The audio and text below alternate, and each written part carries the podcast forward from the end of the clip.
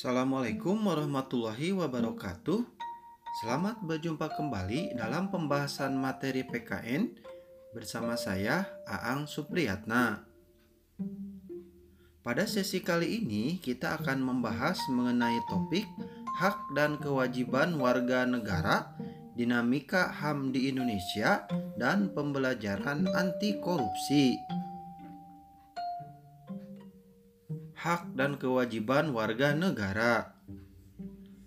Pada hakikatnya, seseorang yang diakui sebagai warga negara dalam suatu negara haruslah ditentukan peraturan perundang-undangan dari negara tersebut. Peraturan perundang-undangan tersebut kemudian menjadi asas dalam penentuan status kewarganegaraan seseorang. Dikenal ada dua asas kewarganegaraan yaitu satu berdasarkan kelahiran yaitu ada asas iusoli yaitu tempat kelahiran dan dua ius sanguinis atau keturunan. Kemudian ada yang berdasarkan perkawinan yaitu asas kesatuan hukum dan asas persamaan derajat.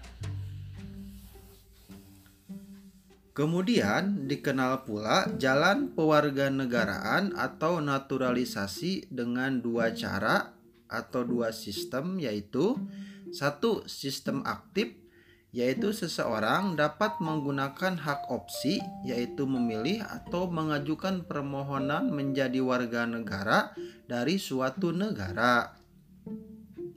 Dua, sistem pasif yaitu seseorang dapat menolak pemberian pewarganegaraan atau hak repudiasi.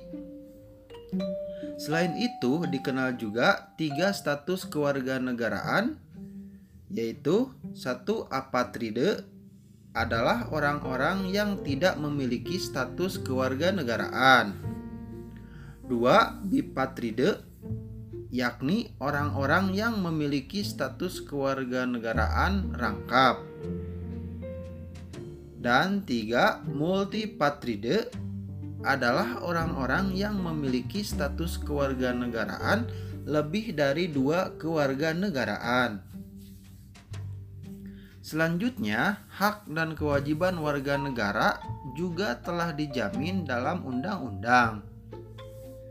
Misalnya, pasal 27 ayat 1 Undang-Undang Dasar 1945 yang menjamin persamaan di dalam hukum dan pemerintahan. Adapun pasal 28 tentang kebebasan berpendapat dan Selanjutnya, pasal 29 ayat 2 tentang kebebasan memilih agama. Demikian pembahasan materi untuk sesi kali ini. Terima kasih telah menyimak. Wassalamualaikum warahmatullahi wabarakatuh.